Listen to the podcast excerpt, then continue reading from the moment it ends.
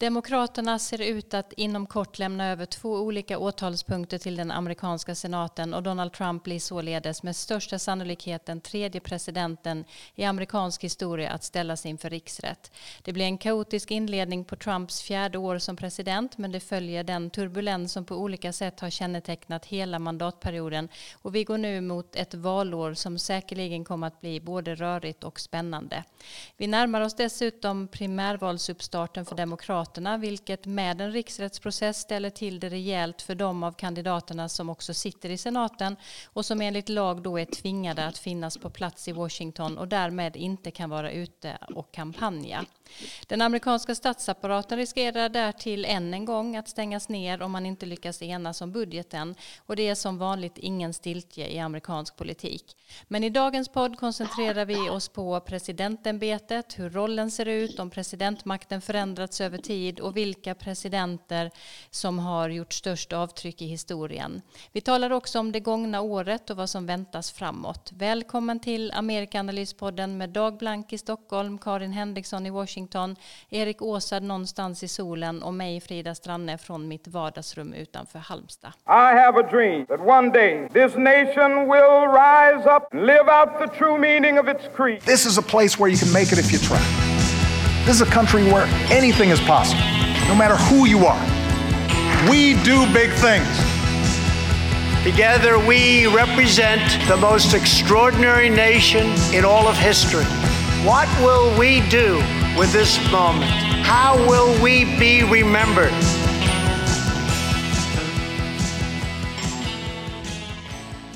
Ja, jag sitter alltså här i mitt hus i Harpling utanför Halmstad, den lilla ort där Per Gessle och Marie Fredriksson lärde känna varandra i slutet på 1970-talet. Och jag vill därför skänka en extra tanke till Marie som precis i dagarna har gått ur tiden och som ju är en av våra absolut största artister men också musikexporter till just USA där hon med Roxette gjorde stor succé med flera låtar på den amerikanska Billboardlistan. Men eh, det är inte det vi ska prata vidare om här. Innan vi börjar med dagens ämne så skulle jag vilja höra dina kommentarer Erik till att det nu sannolikt blir så att Trump ställs inför riksrätt. Var det någonting som förvånade dig i de åtalspunkterna som nu har lagts fram? Nej, de var förväntade kan man säga. Och det här avgjordes nog redan den 24 september när Nancy Pelosi, talmannen i representanthuset, meddelade att det skulle bli en formell riksrättsprocess. Och det gjorde hon ju efter att en grupp moderata demokrater hade ställt sig bakom eh, den. Eh, och det var ju Ukraina-affären som gjorde att hon ändrade uppfattning framför allt. Och efter det så fanns det liksom ingen återvändo. Och nu får vi se om det blir några demokrater som röstar emot riksrätt i representanthuset när frågan kommer upp till omröstning där. Och det var ju två demokrater som gjorde det när de röstade om att igångsätta processen som ni minns. Och Ledningen vill nu förstås visa upp en enad fasad och att det ska bli så få avvikare som möjligt. Däremot så kan man ju förvänta sig att Republikanerna Eh, står bakom, kommer att stå bakom Trump i alla väder och kommer säkert att mangrant rösta emot. Och sen blir det då riksrätt i senaten efter nio år och det får vi väl då återkomma till. Mm. Men som jag sa inledningsvis så påverkar ju detta de demokratiska kandidater som är senatorer och som då måste närvara i Washington. Vi har ju både Elizabeth Warren och Bernie Sanders som ju är två toppkandidater. Hur, hur ska man se på detta? Kommer det, hur kommer det påverka deras kampanjer och de inledande primärvalen? Ja, på flera sätt. Eh, de, måste, de får ju ta en paus, flera av senatorerna nu, de som är inblandade i, i eh, presidentvalskampanjen. Eh, och det är ju ett avbräck just när, när man igångsätter då slutspurten här i förhållande till primärvalen. Och sen kommer ju den här riksrätten att kasta sin skugga över de första valen åtminstone. Jag tror den kommer att vara med i diskussionen och i debatten väldigt länge framöver. Så att inte minst kommer Trump själv att se till att det blir så. Mm. Och det kan bli ett väldigt avbräck för de som då inte kan kampanja på det sättet som är tänkt. Ja, eh, nu får vi se. Det beror ju också på hur långvarig den här processen blir och riksrätten i, i senaten, hur långvarig den blir. Eh, men det återstår ju att se här nu. Karin, jag måste återkomma till juldekorationerna i Vita huset. Eh, också än en gång uppmana er lyssnare att gå in och titta på de små filmer som nu läggs ut därifrån. Det är imponerande att se alla de här granar och lampor som lyser upp de olika rummen i Vita huset. Eh, jag vet också att många amerikaner besöker Vita huset under den här perioden. Har du varit eh, i Vita huset under jultiden någon gång? Ja, ja, det har jag faktiskt. Det här om året när det var Michelle Obama som själv eh, visade vad hon hade pyntat med. Och det är som du säger, det är otroligt imponerande. Då fanns det bland annat en, en, ett Vita huset i choklad. Och, och sen då otroligt mycket blommor och girlanger och rött och guld och grönt och jättevackert. Och sen efteråt så fick då presskåren som var där på besök eh, kakor med julmotiv och eh, varm dryck, nämligen mulled cider som kan vara ett alternativ för de som inte gillar glögg i Sverige. Mm. Hur är Vita huset sådär? Eh, är det stort och imponerande eller känns det mycket mindre än vad man tänker sig? Nej, det känns ju mycket mindre. Man har ju sett alla de här bilderna när presidenten och First Lady har eh, statsbesök, eh, en annan president kanske och en annan First Lady och de står där i trappan. Men den där trappan är jätteliten, väldigt smal, så det, det, det är litet, det är litet. Men det är ändå pampigt och det, det, på sätt och vis är det väl trevligt att det inte är så stort. Mm. Som Buckingham Palace eller något annat. Fast det är stormakten. Mm. Dag, jag vet inte om du har varit i Vita huset men jag är ändå lite nyfiken på vilka andra platser eller historiska platser som du har varit på som du har tyckt varit särskilt intressant eller pompigt och ståtligt. Jo, jag har också varit i Vita huset men, men av andra platser så här om året så besökte jag Angel Island som jag tyckte var mycket intressant. Det är alltså motsvarigheten till Ellis Island men på amerikanska västkusten utanför San Francisco. En ö där som fungerade som mottagningsstation för asiatiska invandrare, japanska och kinesiska invandrare till USA i senare delen av 1800-talet och början av 1900-talet.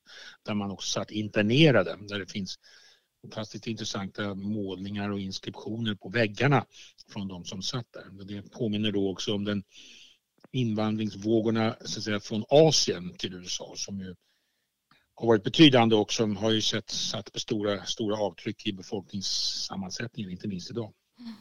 Det finns ju väldigt många platser i USA som är väl värda besök och vi kanske får anledning att prata om det någon gång också. Själv så måste jag säga att jag håller väldigt högt Thomas Jeffersons Monticello eh, som en plats eh, som både är väldigt vackert beläget och också eh, intressant att besöka. Även John Adams bibliotek hemma i hans eh, ena hus i Boston tycker jag är väl värd ett besök om man kan åka dit.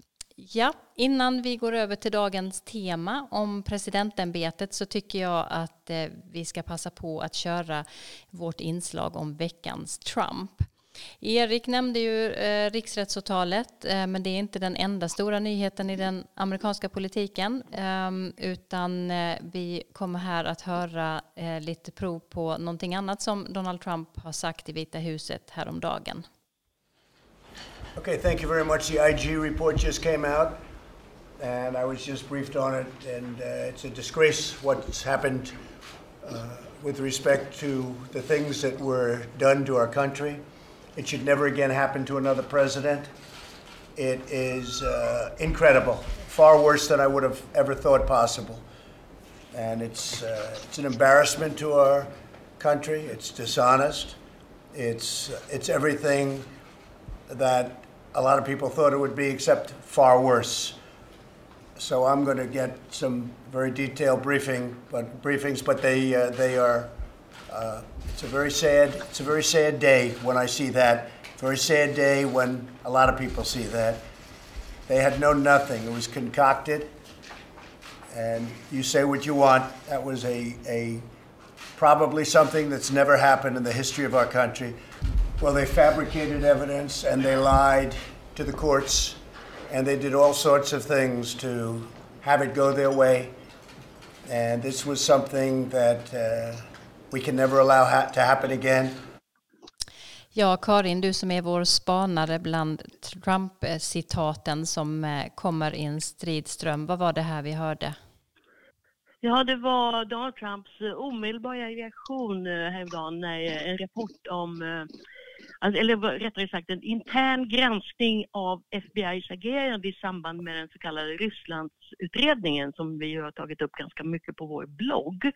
Och eh, den ansvarige som heter Michael Horowitz konstaterade att man inte kunde stryka att det låg politiska motiv bakom besluten att eh, begära avlyssning. Det där är väldigt eh, komplicerat men Eh, slutsatsen var att Trump och Fox News och eh, den konservativa vad ska man kalla dem för, svansen eh, hade fel och har då kört sina konspirationsteorier alldeles för länge då utan att det fanns någon någon eld bakom den, deras rök. Men Trump han brydde sig inte om slutsatserna utan han fortsätter att hävda att det rör sig om en kupp från the deep state. Och justitieministern William Barr håller med honom och de två de avvaktar nu ännu en rapport som håller på att sammanställas av en federal åklagare och han ifrågasätter också FBI-agerande och eh, har då gått fram och sagt att han har större befogenheter än vad Horowitz hade och alltså kan man tänka sig att Trump och Barr får sina, de, de slutsatser de önskar i den rapporten. Så att det här är lite Orwell över det hela. Men till saken hör att FBI då har beslaget med att ha skött det hela taffligt. De har gjort massor av misstag och det är då lätt för Trump och de andra att, att räcka ner på. Så det, det, det, var, det, var, det, var, ja, det var sorgligt för FBI den här dagen också faktiskt. Mm. Jag kan inte heller riktigt smälta det jag läste häromdagen i, i din Facebook-tråd Karin om att Trump nu vill göra gamla glödlamporna lagliga igen. Eh, jag vet inte om det stämmer att det var bland annat med hänvisning till att eh, det gör honom missfärgad i ansiktet och att det också var, funkar bättre och att de är billigare. Stämmer allt det där som jag ja, fångade upp? Ja, det stämmer. Ja, det stämmer att han tycker det och att han har återkommit till det. Och, och här skojar han väl i och för sig om det här med orangea nyansen i ansiktet. Men det är liksom, alla andra har på något sätt gått vidare och accepterat de här glödlamporna. De var väldigt impopulära från början men nu hör man inget om det. Det var många som hamstrade och sen så köper de väl de här nya och på något sätt tycker det är bra för klimatet. Men Trump bryr sig inte så mycket om det. Men jag tror inte att det kommer bli några liksom, nya direktiv eller så. Så det, det är väl, han blöddrade på mm. om man ska vara fräck. Ja. Ja, och från detta så slänger vi, över, äh, slänger vi oss över till äh, dagens tema om presidentämbetet.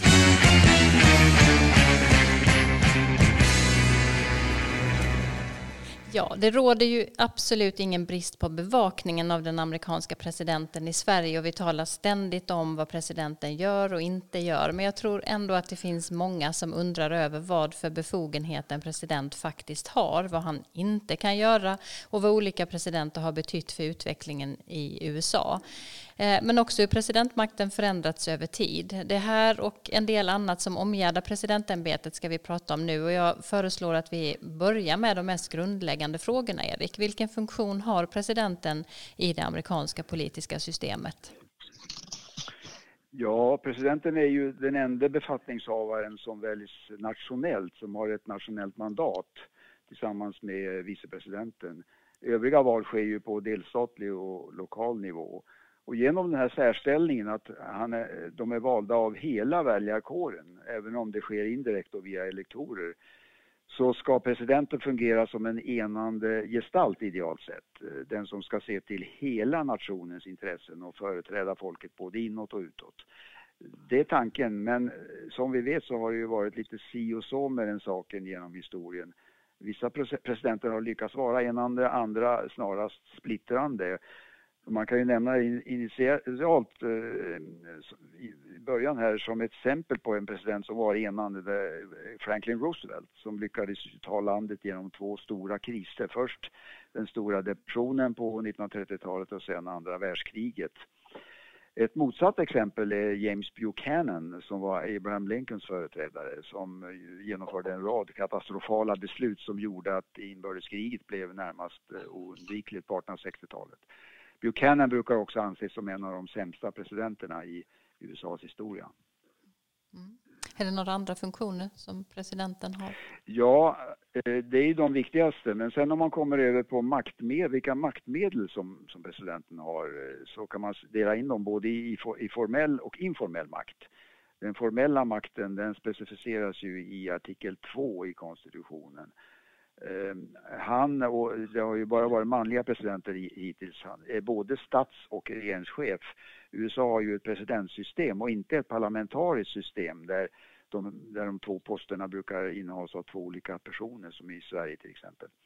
Eh, vidare så är presidenten chef för den federala förvaltningen och han är USAs främste företrädare utomlands. Han är också lagstiftare, kan ta initiativ eh, till lagar eh, tillsammans då med kongressen ofta. Och inte minst så är han militär överbefälhavare, en post som har blivit allt viktigare ju starkare USA blev under 1900-talet och som världsmakt kan man säga. Presidenten kan också inlägga veto mot lagar som antagits av kongressen som i sin tur kan då övertrumfa det här vetot. Men då behövs det två tredjedels majoritet i båda kamrarna för att åstadkomma detta. Sen eh, presidentens informella makt, den är inte minst viktig. Den utövas i flera olika roller kan man säga. Dels rollen som partiledare. Presidenten är automatiskt ledare för sitt parti. Ehm, eh, de har ju, amerikanska partierna har ju ingen partiordförande som vi har i Europa till exempel.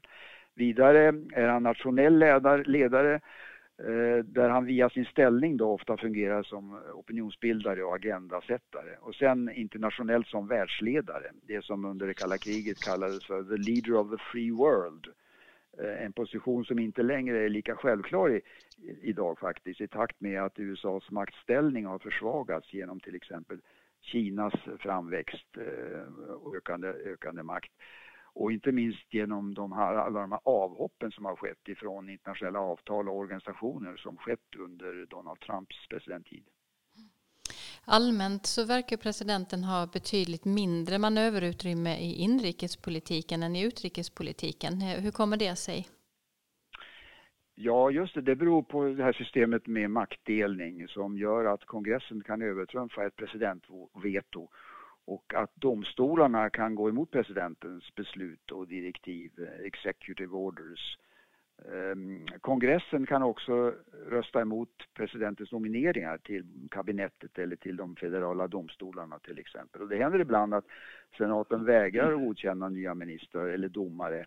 Ehm, och eh, 2012, där kommer vi ihåg kanske att då vägrade senaten att överhuvudtaget ta upp till behandling eh, president Obamas förslag till en ny domare i Högsta domstolen och då gjorde de argumentet att man kan inte rösta om en så viktig post under ett valår, sa man. Det var Mitch McConnell, senatsledaren då, som sa det. Vi får se om Republikanerna använder samma argument om Trump skulle få tillfälle att utse en ny HD-domare nästa år. Det är ju ett valår också. Ehm, HD kan också förklara, alltså Högsta domstolen kan också förklara en viss lag oförenlig med konstitutionen ehm, som eh, då får, de kan också fatta beslut som har samma verkan som en vanlig lag. Det glömmer man bort ibland. Till exempel så har det ju skett det när det gäller aborträtten, eh, positiv särbehandling av minoriteter och även finansiering av valkampanjerna. Det är viktiga områden som inte kongressen har stiftat lagar om men, men som HD har, har genom sina beslut eh, har, har ställt sig bakom. Eh, de här restriktionerna gäller alltså inte i utrikespolitiken som du nämnde Frida. Utan där har presidenten betydligt större möjligheter att utforma politiken på egen hand och till och med att starta krig. Det har vi ju sett otaliga exempel på genom historien. Det finns en lag från 1973, The War Powers Act, som infördes för att begränsa presidentens möjlighet att gå i krig utan kongressens godkännande. Men den lagen har visat sig tandlös och är lätt att kringgå. Och när det gäller bruket av det ultimata vapnet, det här är en sak som man också kanske inte alltid tänker på, så är det en enda person som avgör om det ska sättas in. Det finns liksom ingen maktdelning när det gäller användningen av USAs kärnvapen utan det är presidenten som avgör det i sista hand. Eh, men ändå om man tittar på inrikespolitiken så har ju, hör vi ofta talas om att presidenten kan använda så kallade executive orders eller presidentdekret som ju ger honom ett visst eh, eh utrymme också eller maktutrymme. Vad är det för någonting? Ja, det är ju en direktiv som han utfärdar i sin roll då som chef eh, för den federala förvaltningen ofta. Allt som rör den federala förvaltningen, deras anställningar, eh, eh, arbetsvillkor, löner och annat Eh, har han makt och myndighet över och eh, det använder ju Trump, har Trump använt nu Eh, i, i väldigt hög omfattning. Jag tror mer än vad Obama gjorde till och med, trots att eh, Trump på den tiden och Republikanerna kritiserade Obama för det. Eh, en, en executive order har inte riktigt samma verkan eller samma tyngd som en vanlig lag. Men den kan till exempel ändras utav nästa inkommande president. Och så sker ofta. Det första Ofta har det varit så att en ny, en ny president, eh, om, om, en demokrat avgår och så kommer en republikan som skedde då 2017 var det. Eh, då är det första man gör det att ändra den här eh, eh exekutivorden som gäller aborträtten och USAs inblandning internationellt i den så att den blir mer restriktiv. Och sen kommer en demokrat nästa gång, då kan man vänta sig att det är det första som den president undertecknar en ny order som tillåter då en mer generös hållning gentemot aborträtten internationellt. Det är väl det som gör det också mer sårbart och som vi bland annat har sett mycket och hört mycket om nu att Obama ju drev igenom no några sådana orders i, inom klimatfrågan som ju sen har rivits upp av president Trump till exempel. Så de, de har ju ingen längre hållbarhet än den, under den tiden som en viss president sitter vid makten, precis som du sa.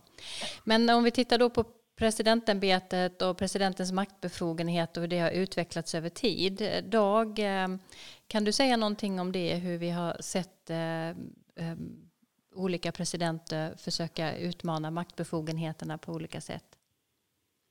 Ja, man kan säga att presidentämbetet har stärkts över tid och inte minst under 1900-talet kan man säga att presidentämbetet har stärkts. Och det har, gjort, har också att göra med att, som vi nämnde tidigare, att USA har blivit en stormakt.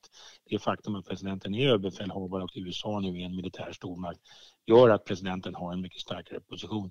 Under 1800-talet så finns det perioder där de mest kända eh, politikerna och ledande politikerna i USA var ledamöter av kongressen. Man tänker på Henry Clay och Webster och Stephen Douglas och Terry Stevens och så vidare. Och det var inte presidenterna som, som innehade den personen. Det finns vissa naturligtvis på 1800-talet, man tänker på Andrew Jackson till exempel och även Lincoln.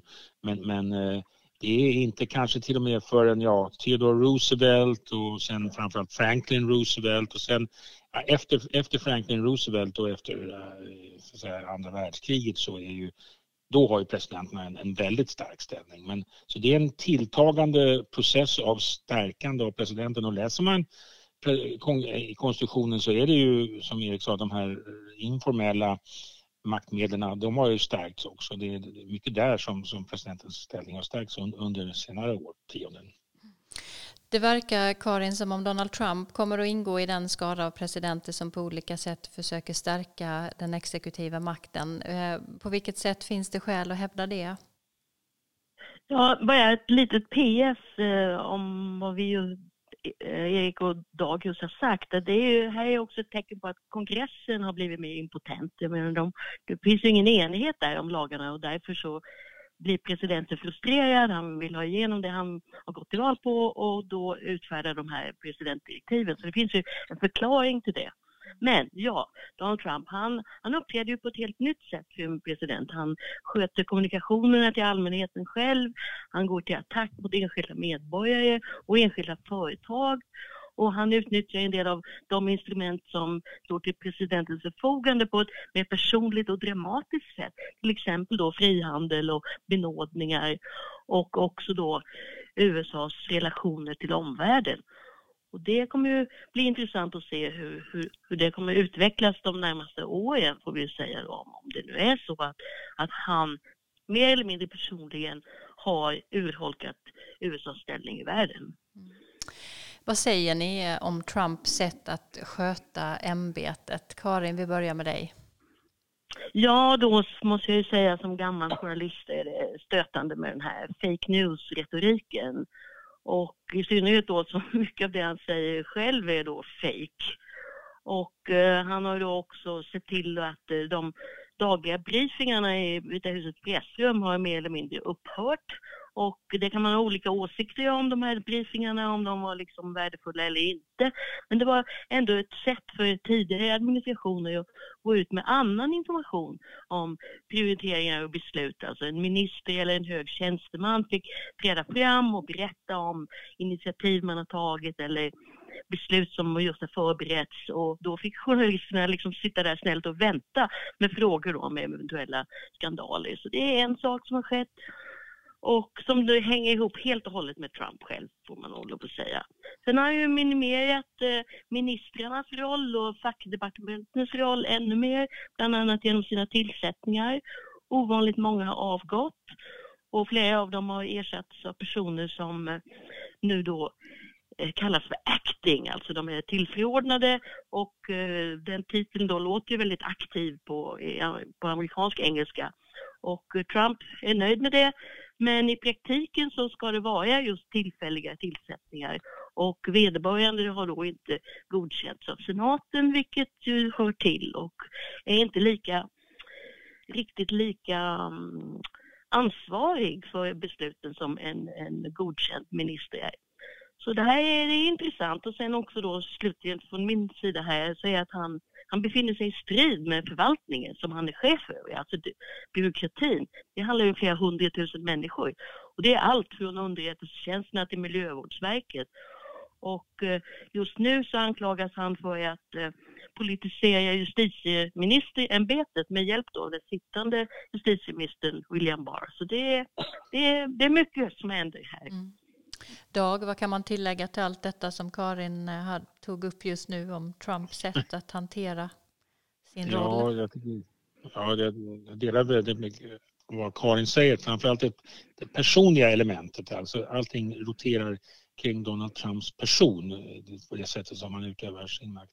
Men jag vill anknyta till vad Erik sa, en av de viktigaste rollerna som presidenten har är att företräda hela det amerikanska folket, att verka enande.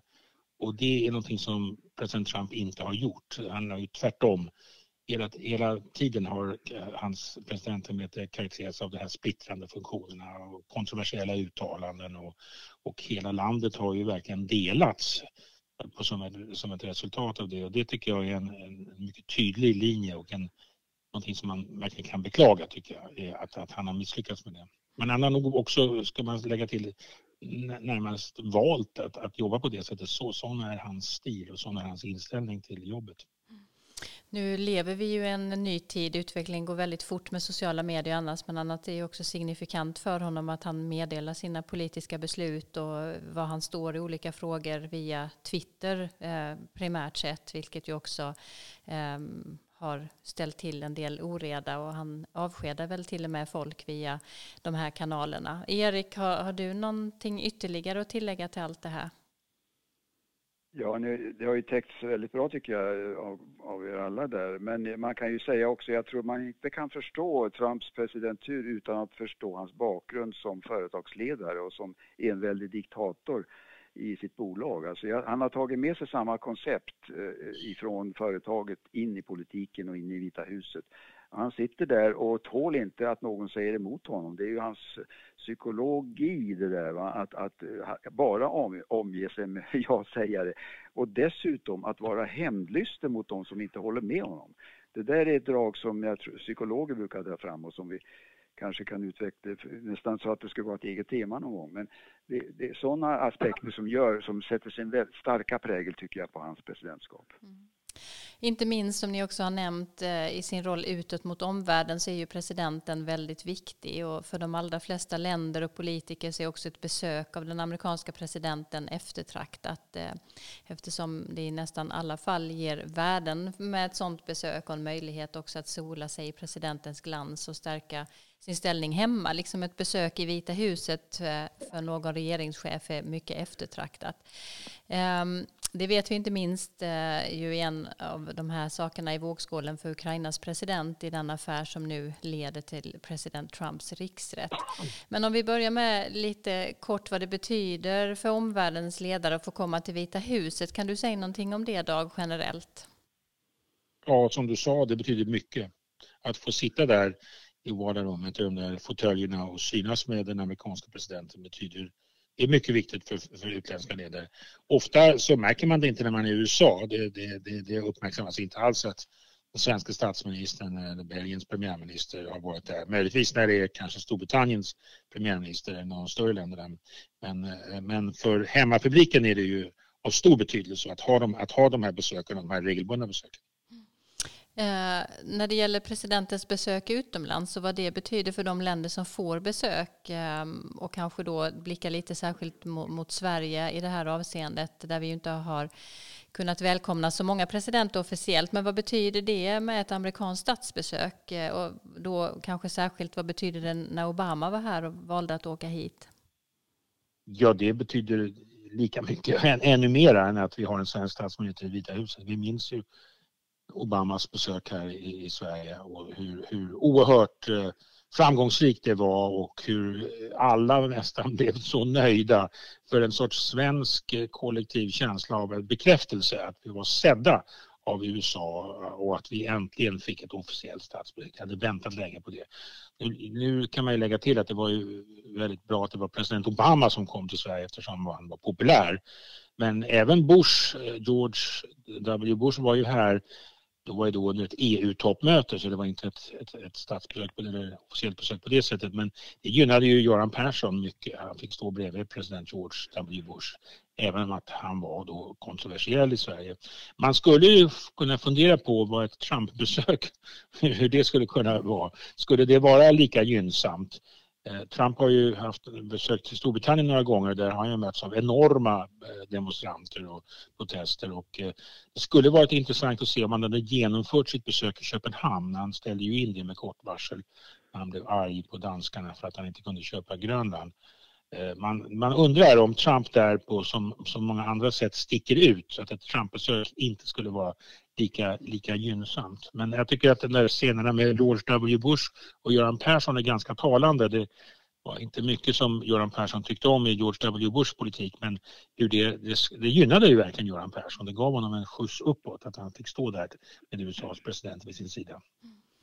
Det finns mängder av författare som har skrivit böcker om presidentämbetet och jag vet att eh, du är förtjust i statsvetaren Fred Greenstein, Erik. Vi hinner inte gå in så mycket på vad eh, eh, han använder för analys av president, presidenter. Vi kanske kan komma tillbaka till det. Men en annan som har skrivit en bok om alla presidenter är ju du, Karin, som ganska nyligen eller i år kom ut med en bok Eh, med titeln Alla USAs presidenter från Washington till Trump. Och den måste vi ju också givetvis tipsa om inför eh, alla julklappsbestyr som nu eh, ligger för för dörren och där Trumps, eller boken om, förlåt, Karins bok om presidenterna här är ett hett tips att dela ut till någon i familjen. Jag är väldigt nyfiken på Karin varför du valde att skriva den här boken. Ja, i första hand så var det, när man bor här så är ju då Donald Trump så oerhört dominerande så du tyckte, jag tyckte det skulle vara spännande och roligt att gå tillbaka och jämföra honom med de andra 43 männen som har innehaft ämbetet. Och i andra hand var det helt enkelt att, att ge en lättskådlig genomgång för en svensk publik av amerikansk historia genom presidenterna ska vi också nämna faktiskt att du har ju förra året kommit ut med en bok om just Donald Trump så den kan man ju också kika närmare på om man är mer intresserad av fenomenet och politikern och affärsmannen Donald Trump. Men när du nu har gått igenom alla presidenter, finns det några egenskaper som du tycker utmärker sig och som man kan säga krävs för att bli president och i synnerhet kanske att bli en uppskattad president? Ja, i första hand så måste man ju ha gott självförtroende. Man måste kunna se sig själv i spegeln och säga that's the next president of the United States. Så mm. att, um, men, men sen så måste, man, måste naturligtvis den här personen ha en, en verklig tro på sitt eget budskap. Och de som inte kan formulera varför de vill bli presidenter gallras ju ofta ut redan under primärvalsstadiet. Så är det ju det som pågår just nu i det demokratiska partiet. Vad gäller till exempel Kamala Harris som då betraktades som en stark kandidat i, när hon sen hade hoppat av så säger då de flesta bedömare att hon visste inte vad hon ville. Hon hade inget eh, tydligt budskap. Men um, om man ska titta tillbaka så, så får man ändå säga att tur är en uh, viktig framgångsfaktor. Och motsatsen då är ju otur. Så man kan till exempel nämna Franklin Roosevelt som ju fick landet på köl då som Erik nämnde förut efter 30-talsdepressionen. Men han skulle förmodligen inte blivit omvald om inte första världskriget hotade eller sedan då bröt ut. Så det, det, kan man säga var både tur och otur för honom att han, han, hans ledarskap under de här kriserna då har då du, menar, du menar andra världskriget va? Ja, förlåt, sa jag första? Då tänkte ja. jag på Theodor Ja, jag menar andra världskriget. Ja. Och eh, ja, så, och sen så en, en tredje då, tur, otur och sen är det då en mer ogripbart om vederbörande då klarar prövningar och det gjorde då Franklin Roosevelt och även då hans eh, släkting Theodore Roosevelt. Och, eh, så så det, det är de tre faktorerna skulle jag säga i första hand.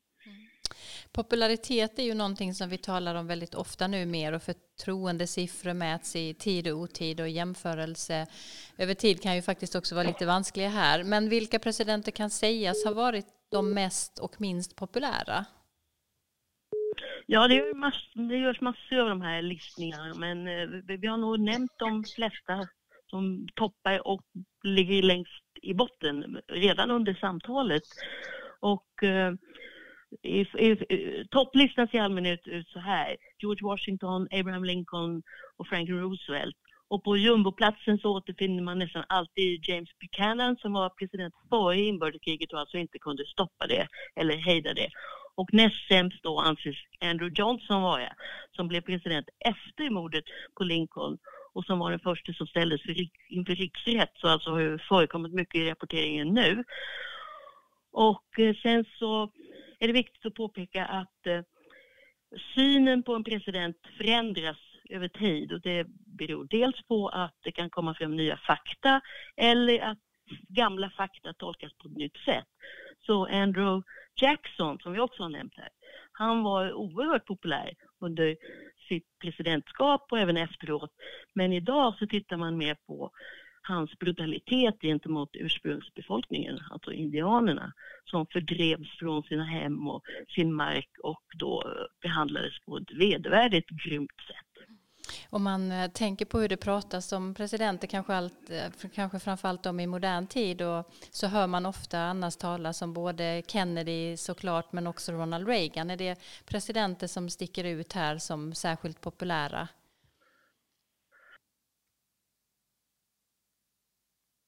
Karin?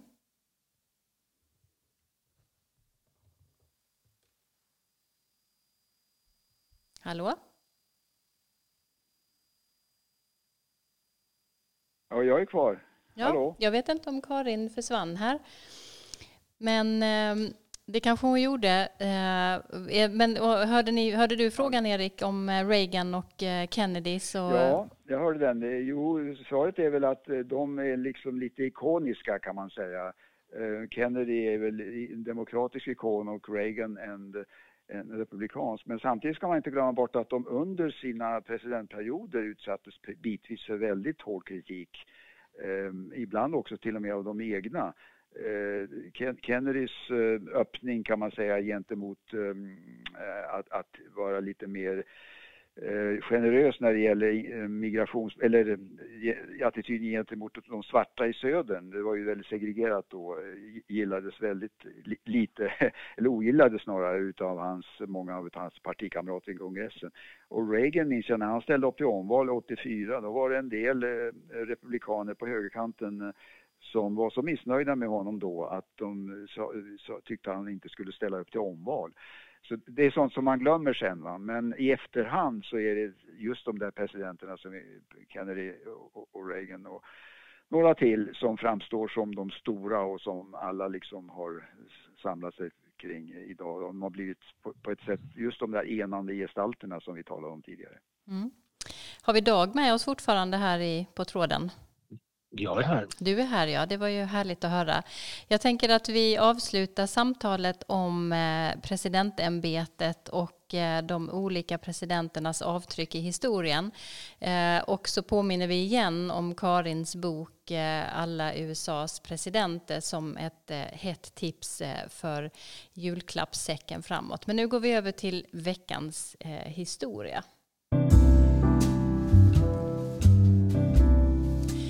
Ja, eh, vi har i vårt inslag eh, Veckans historia eh, Dag Blank som ju är historiker som utbildar oss på olika sätt eh, om olika saker med olika händelser och personer som har betytt eh, något särskilt i den amerikanska historien. Och idag ska han prata om eh, Compromise of 1850. Eh, vad var det för någonting och vilken betydelse fick det? The Compromise of 1850, 1850 års kompromiss, var en av de många kompromisserna under det amerikanska 1800-talet där man försökte reglera eh, slaveriets ställning i unionen. Det var ju den stora olösta konflikten från eh, konstitutionskonventet i Philadelphia. Skulle den nya konstitutionen tillåta eller förbjuda slaveriet? Och den nya konstitutionen blev ju så att säga tyst. Den säger ingenting om slaveriet vilket betydde att det fortsatte att gälla i de delstater som hade det staterna medan det snabbt, ganska snabbt försvann i nordstaterna. Samtidigt så efter sekelskiftet och början på 1800-talet så inleddes den amerikanska expansionen västerut när man först, som Karin nämnde här tidigare under Andrew Jackson, så inleder fördrivningen av indianerna Eh, västerut och det öppnar då upp eh, för bosättningar eh, av vita och immigranter från Europa och även inom USA. Och då uppstår frågan, allt eftersom nya områden bebos och som blir då till slut delstater och tas upp i unionen. När de tas upp i unionen, ska det bli slavstater eller ska det bli fria stater? Ska de här delstaterna tillåta eller förbjuda slaveriet? Och det är nästan varje gång en stor konflikt kring detta. Eh, en av de kända kompromisserna kom 1820 i samband med att delstaten Missouri inträder i unionen. Den kommer in som en slavstat men då eh, så ser man till att en ny delstat skapas i nordstaterna. Maine bryts ut ur Massachusetts och den blir en fristat. Och så där håller man på för att markera en balans mellan slavstater och fristater. Och som en del av Missouri-kompromissen så sa man också att det drogs en linje som gick i linje med Missouris norra gräns västerut och sa att norr om den linjen skulle slaveriet vara förbjudet och söder om den linjen skulle slaveriet vara tillåtet. Det var alltså 1820. Nu är vi framme vid 1850. Då befinner vi oss i en situation där USA expanderat hela vägen till Stilla havet. Framförallt efter kriget mot Mexiko så har en stor, mycket stor del eh, eh land kommit under amerikansk ägo från, från Mexiko då, bland annat Kalifornien, sydvästra USA och delar av, av Nevada och, och, Colorado. Och då inställer sig frågan, vad ska hända med det här området då? Till exempel Kalifornien var redo att komma in 1850 och om den här gamla kompromissen hade gällt så skulle Kalifornien delats. Den här linjen gick rakt igenom Kalifornien så att säga. Norra Kalifornien skulle blivit fristat och södra Kalifornien skulle blivit en slavstat. Och då upphörde den här Missouri-kompromissen att gälla och istället så införde man principen popular sovereignty. Man säger låt, inte, låt folket självt bestämma i de här områdena och vad, vad det ska vara, slavstat eller fristat. Och det leder till enorma spänningar för det betyder ju då att slaveriet kanske skulle kunna expandera norrut i de här nordliga, nordstaterna också när de skulle insläppas.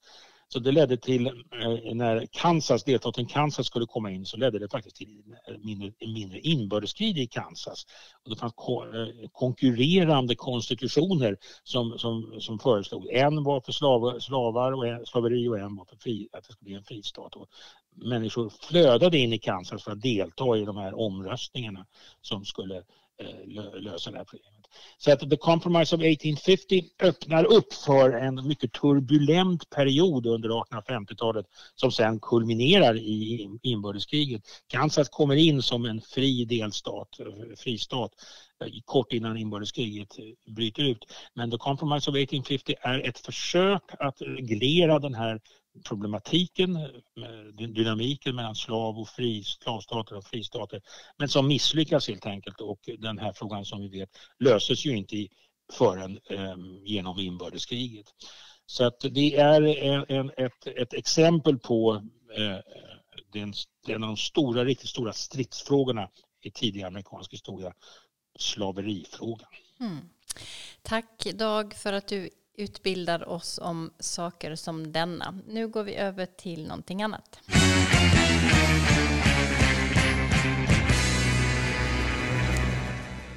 Ja, det här är sista avsnittet innan ett längre uppehåll över alla helger som väntar. Så vad kan då vara mer lämpligt än att avsluta med att blicka tillbaka lite över det gångna året och också fundera lite över vad vi nu har att vänta under valåret 2020.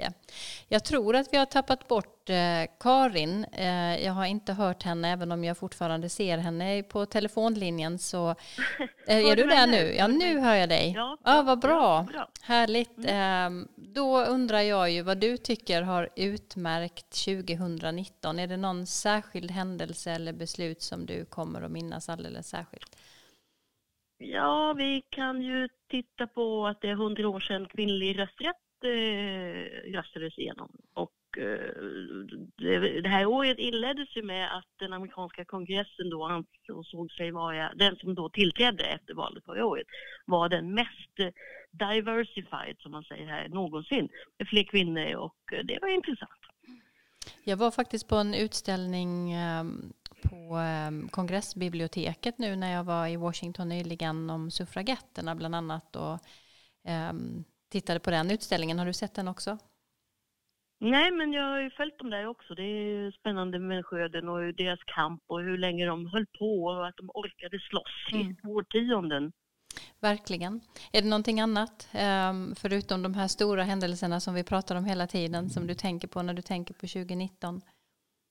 När jag tänker på 2019 tänker jag naturligtvis på Donald Trump och då är ju händelseutvecklingen så rasande snabb att det är svårt att liksom eh, ta ut något eller välja ut något särskilt. Men det är en sak som störde mig väldigt mycket och det handlade om det här med lögner och eh, slirande på sanningen och jag tycker kanske att man märker att det, det, är många som liksom säger ja men det är Trump, han, han är sån, det, det betyder inget.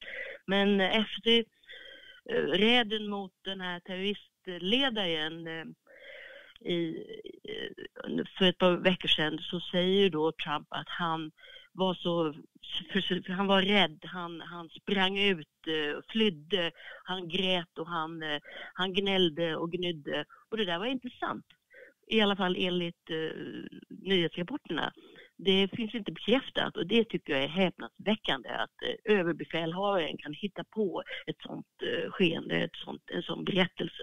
Mm. Erik, vad säger du? Vad minns du särskilt från det här gångna året? Ja, det är mycket, men om jag ska välja en sak eh, så blir det den här klyftan som har uppenbarats i samband med både Rysslands och Ukraina-affärerna mellan Trump och hans eh, försvarare i Vita huset och kongressen å ena sidan och de här professionella befattningshavarna i departement och myndigheter å den andra sidan. Ämbetsmannakåren har ju sett som en nödvändig grindvakt mot Trump mot ogenomtänkta eller helt vansinniga beslut. Ett slags skyddsräcke. Statsvetarna talar om guardrails rails som kan värna mot, om konstitutionen då när den utsätts för angrepp. Men vad man sett under det här året är hur utomordentligt skört det där skyddsräcket är när det utmanas av en president som saknar skrupler, för det gör ju Trump va? och har halva kongressen och många domstolar med sig. Tänk på alla medarbetare som har avskedats, vi var inne på det lite tidigare. Tänk på hur Trump uttrycker sig på Twitter, även om de är egna, om de inte är 100% bakom honom så kritiserar han honom.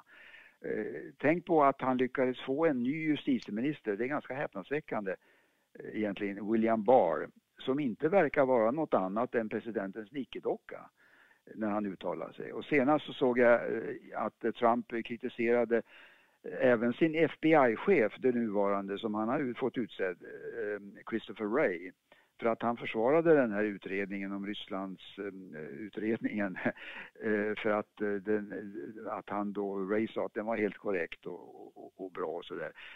Jag skulle inte bli förvånad om Ray nästa år får möta samma öde som drabbar företrädaren James Comey som ju avskedades som FBI-chef. Och frågan är ju nu hur mycket av det här skyddsräcket som kommer att finnas kvar efter eh, nästa val och eh, om Trump då skulle få fyra år till i Vita huset. Dag, vad säger du om allt som händer? Som redan påpekats, det sker i en, ett rasande tempo och det finns mycket att eh, titta på. Men vad är det du tycker sticker ut? Ja, det som kommer stå i historieböckerna det är naturligtvis att eh, en president blir ställd inför riksrätt under 2019. Det, det beslutet har inte fattats än men det kommer ju med mycket stor sannolikhet att fattas före jul här och det är ju remarkabelt. Det är ju ett litet antal presidenter som, som vi har sagt här flera gånger som har utsatts för det.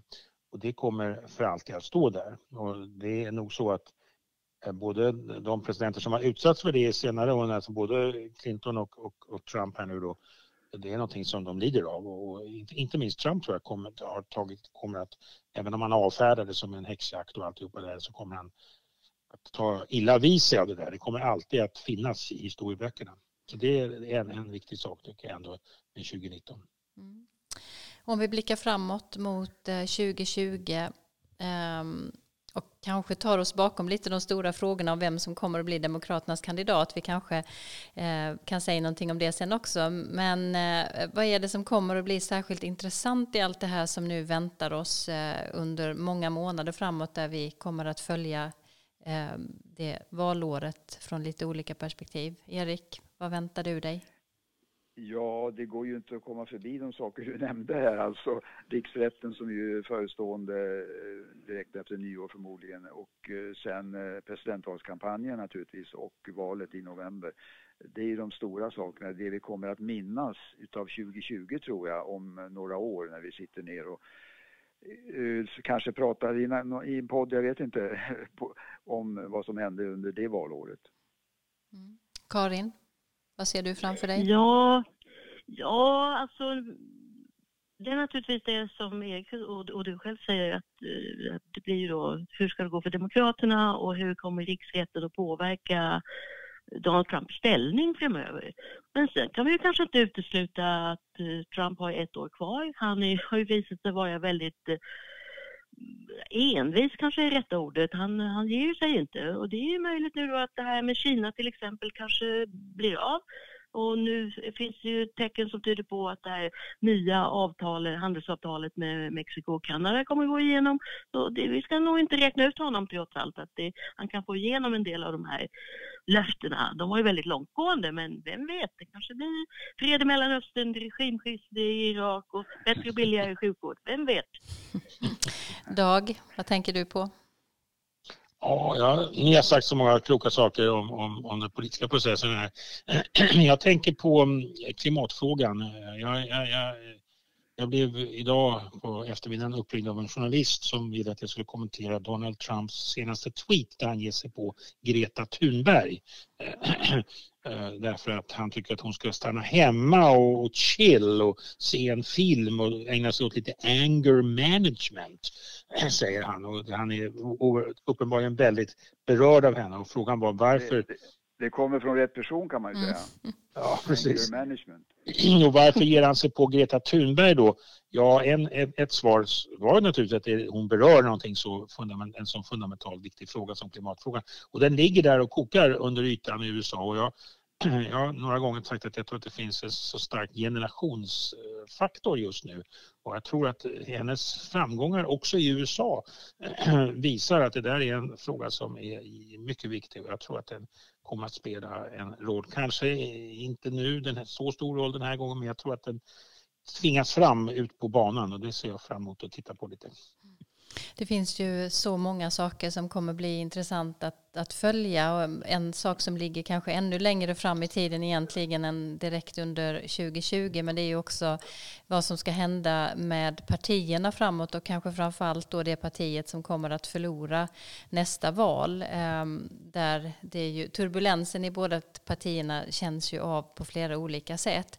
Ehm, jag vet att vi inte är sådär jätteförtjusta i att spekulera ehm, som eh, i, i, i våra roller här men Eh, vad säger ni nu? Hur många kandidater tror ni att det kommer att finnas när det första prim primärvalet där i, i början på februari äger rum? Och vilka står det mellan nu? Är det någon som också har någon, någon gissning på vem ni tror kommer att vara starkast ut i det här fältet? Karin?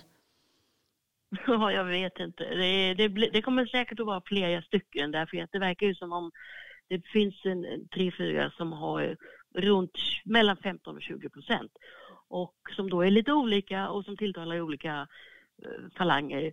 Men sen finns det ju då i morse i tv säger Steve Bannon att han tror att Hillary Clinton kommer att ställa upp igen. Så vi får se. Mm. Det hörde jag faktiskt flera personer säga när jag var i Washington nu för några veckor sedan.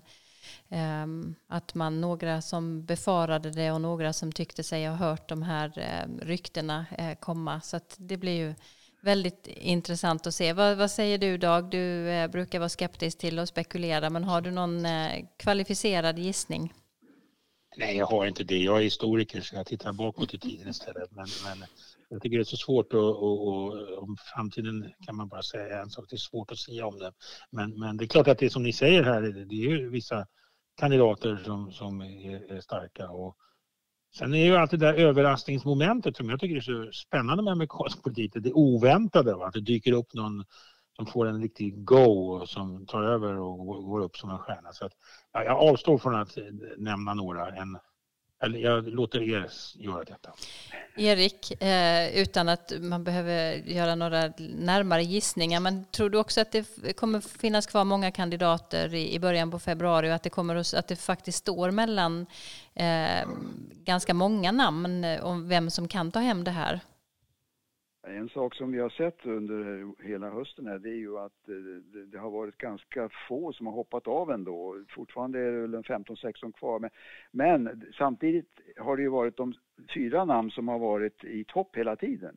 De har varit lite olika siffror för var och en och det är ju Biden, Sanders, Warren och Buttigieg som har gått upp här, Pete Buttigieg på senaste tiden. Så att det är ju alla tror väl att, att det kommer att stå mellan dem. Men det som ni har sagt här, det är omöjligt tror jag nu att, att tippa hur det kommer att gå här i, i, i de inledande eh, dusterna. Men jag har en avslutande fråga som rör just partierna som man kan fundera på under helgerna som kommer här och det är följande. Hur kommer det sig att ett land där partierna är så utomordentligt svaga, de är ju det man jämför med, med, med Europa till exempel, att, att i ett sådant system att, där, att partiniten, partitroheten är så oerhört hög. Alltså man kan inte förklara till exempel Republikanernas eh, mangrant att de ställer upp för Trump va? och inte heller Demokraternas eh, en, eniga fasad gentemot Trump eh, med något annat än att det är partierna som, säger, som går, står bakom det. Va? Vi, vi stöder vårt parti och då måste vi vara antingen för eller emot Trump. Samtidigt som partierna är oerhört lösliga till sin struktur och organisation. Det tycker jag är ett fascinerande ämne att diskutera. Mm. En viktig fråga att ta med oss framåt och det enda som vi kan säga säkert inför 2020 är att det kommer ju att bli oerhört spännande på så väldigt många sätt skulle jag säga. Och det är för oss eh, USA-nördar eller politiknördar så kommer vi väl inte ha många stunder där det inte kommer hända någonting som är intressant att följa. Det här var sista poddavsnittet innan alla storhelger som väntar runt knuten. Hoppas att ni, alla poddkollegor, Karin, Dag, Erik får en riktigt härlig jul och nyår. Lyssnare som hängt med och Johan Lindström som hjälper oss med tekniken skänker vi också en liten hälsning till. Vi är tillbaka efter helgerna. Håll utkik efter ett nytt avsnitt någon gång i mitten av januari. Ladda upp med god mat och värme för snart så väntar ett hejdundrande valår i USA kan jag lova. Var rädda om varandra så hörs vi igen sen. I have a dream that one day this nation will rise up and live out the true meaning of its creed. This is a place where you can make it if you try. This is a country where anything is possible, no matter who you are. We do big things. Together, we represent the most extraordinary nation in all of history. What will we do with this moment? How will we be remembered?